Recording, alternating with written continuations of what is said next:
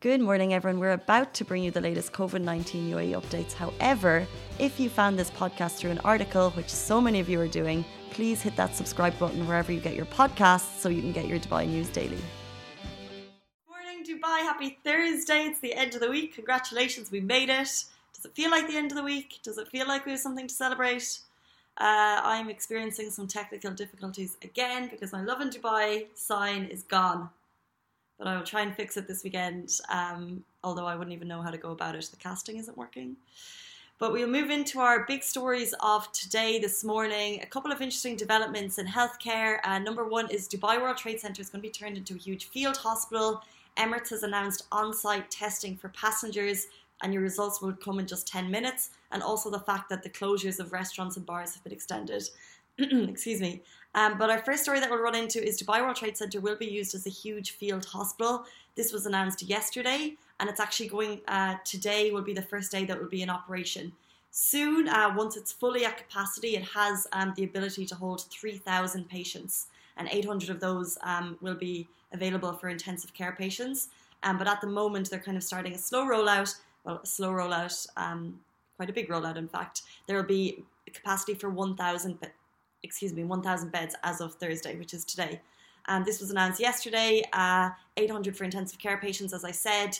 And obviously, there are hundreds of nurses and doctors who are already prepared, waiting at the facility, uh, ready for um, new patients to arrive. Uh, the Director General of the Dubai Health Authority said that Dubai will soon have two field hospitals and the capacity for 9,000 cases in total. Um, and that's just at the moment. And I think it's incredible to see the kind of proactive behaviour at the moment. Uh, we've just reached over 5,000 cases in total, and it's incredible to see the proactive um, behaviour that's surrounding that. And of course, not all of those cases are hospitalised. Um, we've obviously spoken to a number of people, and we've reported about a number of people uh, who have been in hospitals, more kind of quarantining, who do not need uh, the hospital care, but of course, they need to self isolate. Um, and we've also heard that 85% of the cases in the UAE are mild. Uh, so it is incredible to see the proactive behaviour created, uh, but to make sure that the beds will be there in case the numbers do continue to rise. Um, moving on to our next story. So, Emirates has introduced a 10 minute COVID 19 test for passengers. Um, this is incredible. They're the first airline in the world to do this. Um, it was it was uh, announced yesterday, and also the first passengers received the service yesterday. So on a flight to Tunis, um, all the passengers on that flight, of course, they're all abiding by social distances at the uh, distance at the airport.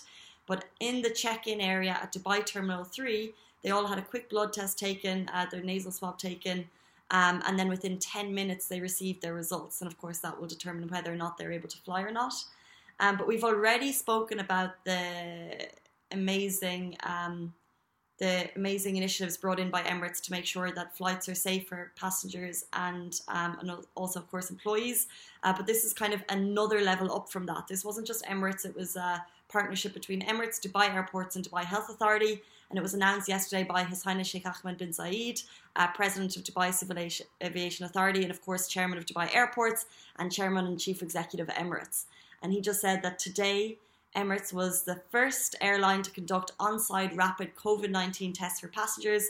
We thank Dubai Health Authority and Dubai Airports and all UAE government authorities for their initiatives and innovative solutions that ensure well being for all. And it's so true. I mean, 100% leading the way in this um, as we know that airlines are restricted in travel at the moment. We know that airports have shut, but obviously um, there are a limited number of flights. So it's incredible to see that, like you said, innovative solutions being made available so people that need to travel can.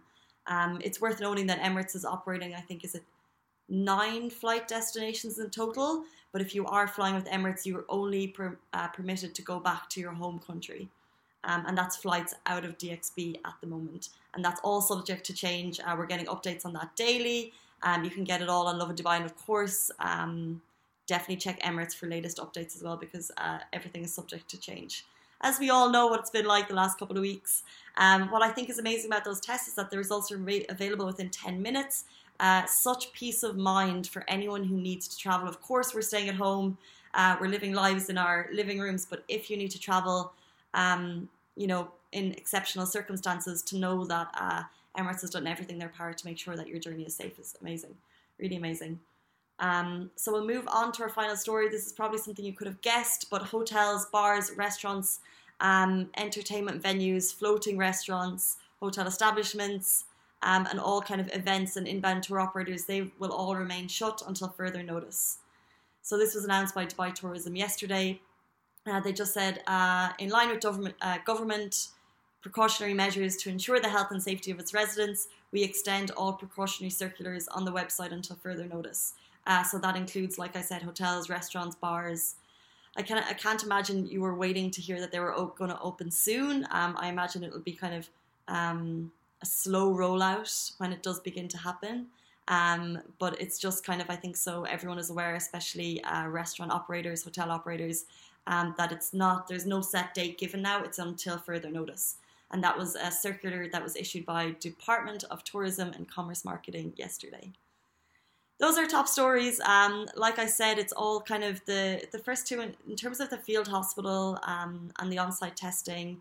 Uh, I think we just really need to praise Dubai um, in terms of so many solutions, uh, not just dealing with it, but the fact that they're kind of putting in intensified measures to make sure that uh, they'll be capable if if more and more cases do arise, the city is ready.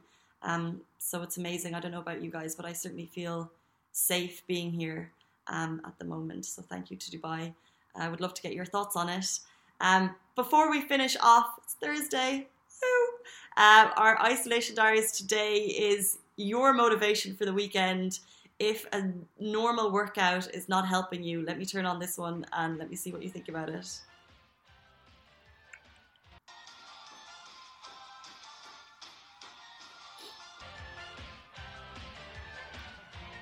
So that is a Sully DXB on Instagram, a trainer, a fitness trainer, I reckon, by his Instagram profile. Uh, however, he's been putting up a couple of funny videos the last few days, and I think they're so funny.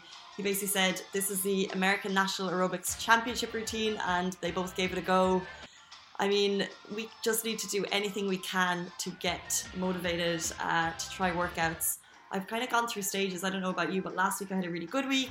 This week I had a really bad week, but I'm hoping the weekend will turn it around when I have a bit more time um, and I can try something maybe a little bit fun, or maybe I can call someone and do something on a call just to make it a little bit more interesting. I'd love to get your thoughts. Um, how are you staying motivated? Are you exercising at home? And if you are, what are you doing? Uh, those are top stories. We'll be back on Sunday morning, but of course, Lovin Dubai will be updated throughout the weekend. Um, have a great one, and we'll see you then. Stay safe, wash your hands. That is a wrap for the Lovin Dubai Daily Live. Remember, we are back with you same time, same place every morning. And of course, the Lovin Weekly show where Shireen and I chat to influencers and get to know a little bit more about them. Bye.